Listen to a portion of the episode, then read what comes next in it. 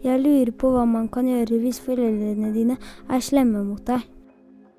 Hvis de kaller deg stygge ting og ikke vil være sammen med deg. Dette skrev et barn inn til Juniorrådet. Vi vet ikke hvem det er, om det er en gutt eller jente, eller hvor gammel personen er. Derfor har vi fått en annen gutt til å lese innmeldingen. Men det vi vet, er at mange barn har det vanskelig hjemme. Derfor skal denne episoden handle om hvordan det er når foreldre ikke er snille mot barna sine, hva du som har det sånn kan gjøre for å få det bedre, og hvordan du som venn kan hjelpe den som har det vondt. Jeg heter Synne, og du hører på Juniorrådet. Dette her med at foreldre er slemme mot barna sine, hva betyr det? Mm. Det kan bety veldig mye. Faktisk så kan det bety at til og med de foreldrene som ikke gjør noen ting som helst, det er faktisk en måte å være slem på. Hun som pratet her, heter Maria Østhassel og er psykolog. Hvis foreldrene ikke bryr seg, uttrykker at ikke de bryr seg om det, så er det en form for må en måte å være slem. Når vi sier slemme foreldre eller voksne, så mener vi ikke at de er slemme hele tiden. De fleste foreldre som gjør slemme ting mot barn, er også greie. Vi bruker ordet slem fordi det uansett er forbudt å slå, dytte eller kalle barna sine dumme eller stygge. Og så er det det de som eh, kanskje kaller barna for stygge ting. Mm. Ja, bruke stygge ord. At, som da da? Det kan være eh, at du er dum, eller at du er stygg, eller å si ting om kroppen din som ikke er hyggelig, at du må forandre på noe. Eh, det kan være konkrete, stygge skjellsord. Dette her med fysisk vold, altså at de slår eller gjør ting som er fysisk vondt. Riv i håret.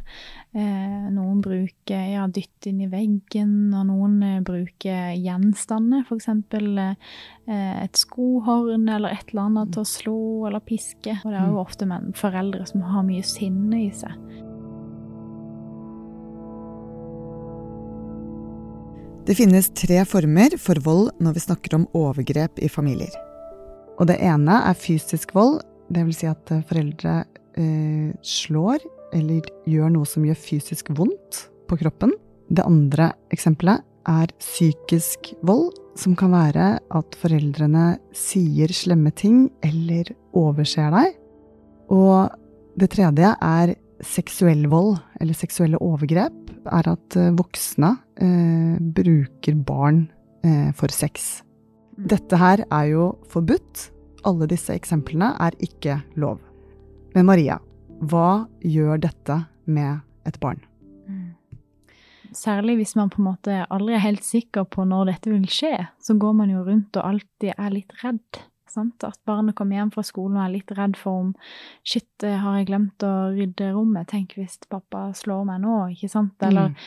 eh, åh, jeg knuste et glass, nå kommer mamma til å dytte meg, eller ja. Ja, Så går man vel rundt og er ganske mye redd da hjemme? Går man rundt og er mye redd, og det kan være skadelig for psyken, ja. Mm. Hvis man eh, har blitt fortalt stygge ting av foreldrene sine i barndommen, så tror man kanskje på det etter hvert. Man begynner å tro at det er sant, disse stygge ordene. Mm. Og da kan det være vanskelig hvis, hvis, mamma har sagt til meg hele livet at jeg er verdiløs, eh, så er det veldig vanskelig å tro på kjæresten sin når kjæresten prøver å fortelle, fortelle deg at eh, 'jeg mm. elsker deg', eller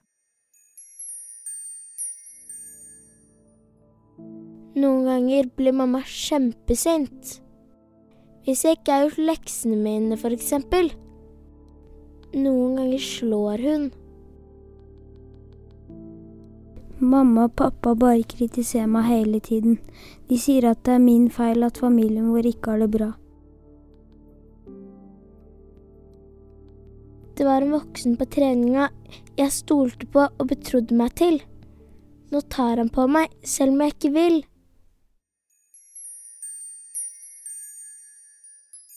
Dette var eksempler på typiske meldinger som Kors på halsen får inn fra barn. Stemmene du hørte, tilhører barneskuespillere og er ikke personer som har sendt inn meldinger. Hva skal barnet som opplever å bli slått eller snakket stygt til eller utsatt for overgrep, gjøre?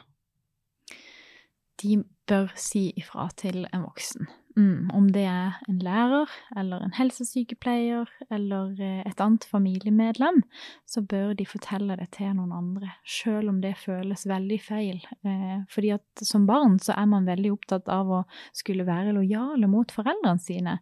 Nesten uansett hva de gjør, så har barn behov for å beskytte sine foreldre. Og, og, det er jo veldig vondt, da, å skulle fortelle en sånn vond hemmelighet. Men det du må vite da, det er at hvis du tør å fortelle den hemmeligheten til en annen voksen, så hjelper du faktisk forelderen din òg. Da hjelper du den voksne som, som gjør disse tingene mot deg. ja, hvordan hjelper man de da? Fordi da kan de få rett hjelp til å slutte med disse tingene. Mm. Et annet eh, tips er jo også å ta kontakt med noe som heter Kors på halsen under pandemien har Kors på halsen fått enda flere henvendelser fra barn. Særlig i perioden fra høsten 2020 til sommeren 2021. Og barn som har det vanskelig med familien fra før, har nok hatt det ekstra tøft i perioden med mye hjemmeskole og stengte fritidsaktiviteter. Og nå skal vi høre fra en dame som jobber i Kors på halsen. Hei! Jeg jobber i Kors på halsen. I Kors på halsen så snakker vi med barn og ungdom opp til 18 år om alt. Både det som er fint, og det som er vanskelig. Vi har åpent alle dager, og du kan gå inn på korspåhalsen.no og velge hvordan du vil ta kontakt. Eller så kan du også ringe oss på 800 333 21. Det er helt trygt og gratis, og vi kan ikke se hvem du er. Vi snakkes. De voksne de skal være trygge og omsorgsfulle mot barna. Men det er dessverre ikke alle barn som opplever at voksne er det. Og mange barn tenker da at eh, de trenger å forstå hvorfor dette skjer.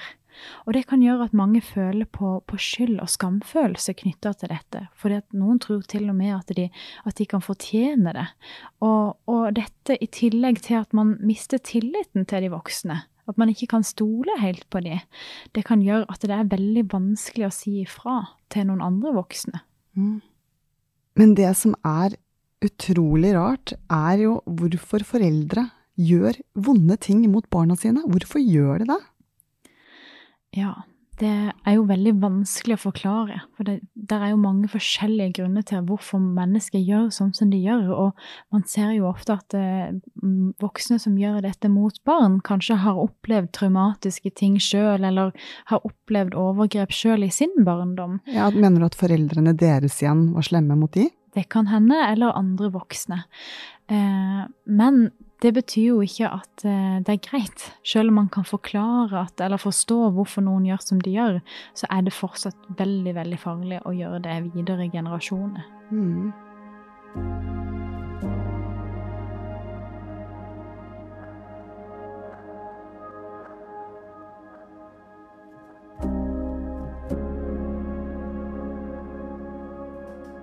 Kan man se at barn eh, har slemme foreldre? Kan man oppdage det som en venn, f.eks.? Mm.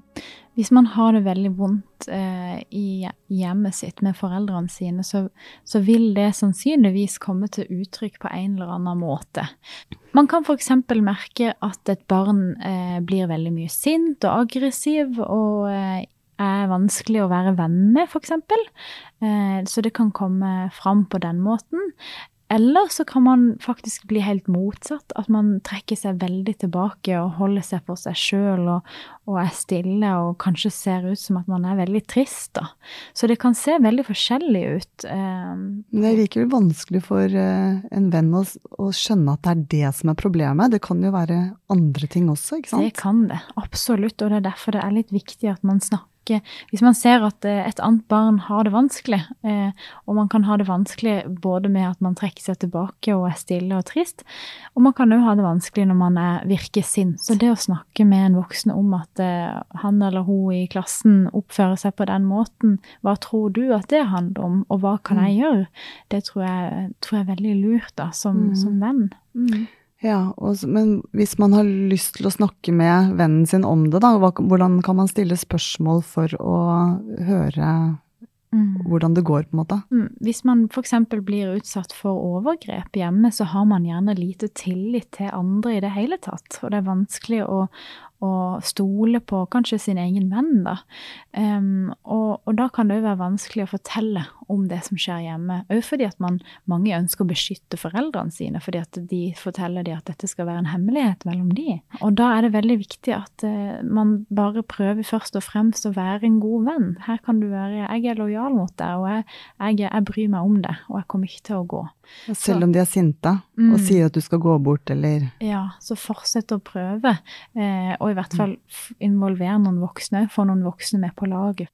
Og det er altså litt sånn rart å tenke at eh, barn har lyst til å beskytte noen som er slemme mot deg. Ja, og det er veldig vondt å både være så glad i noen, men også skuffa og lei seg og redd for noen.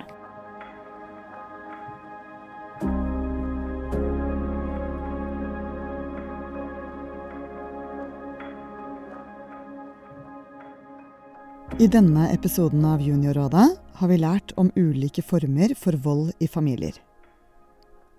Hvis du kjenner deg igjen i eksemplene, eller tenker at du blir behandlet galt, snakk med en voksen eller en venn du stoler på. Hvis det er vanskelig, kan du ta kontakt med Kors på halsen, korspåhalsen.no, eller ringe de på nummer 800 333 21. Tusen takk til Tilda og Fredrik, som var stemmene som leste inn eksemplene på overgrep. Takk også til psykolog Maria Østhassel for råd, og for at hun hjalp oss med å forstå litt mer rundt dette vanskelige temaet.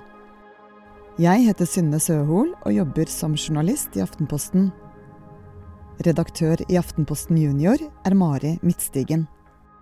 Hvis du har lyst til å være med i en episode, eller kanskje du har tips til et tema vi burde snakke om, da kan du sende en e-post til meg, synne, alfakrøll, ap.no. Vi høres.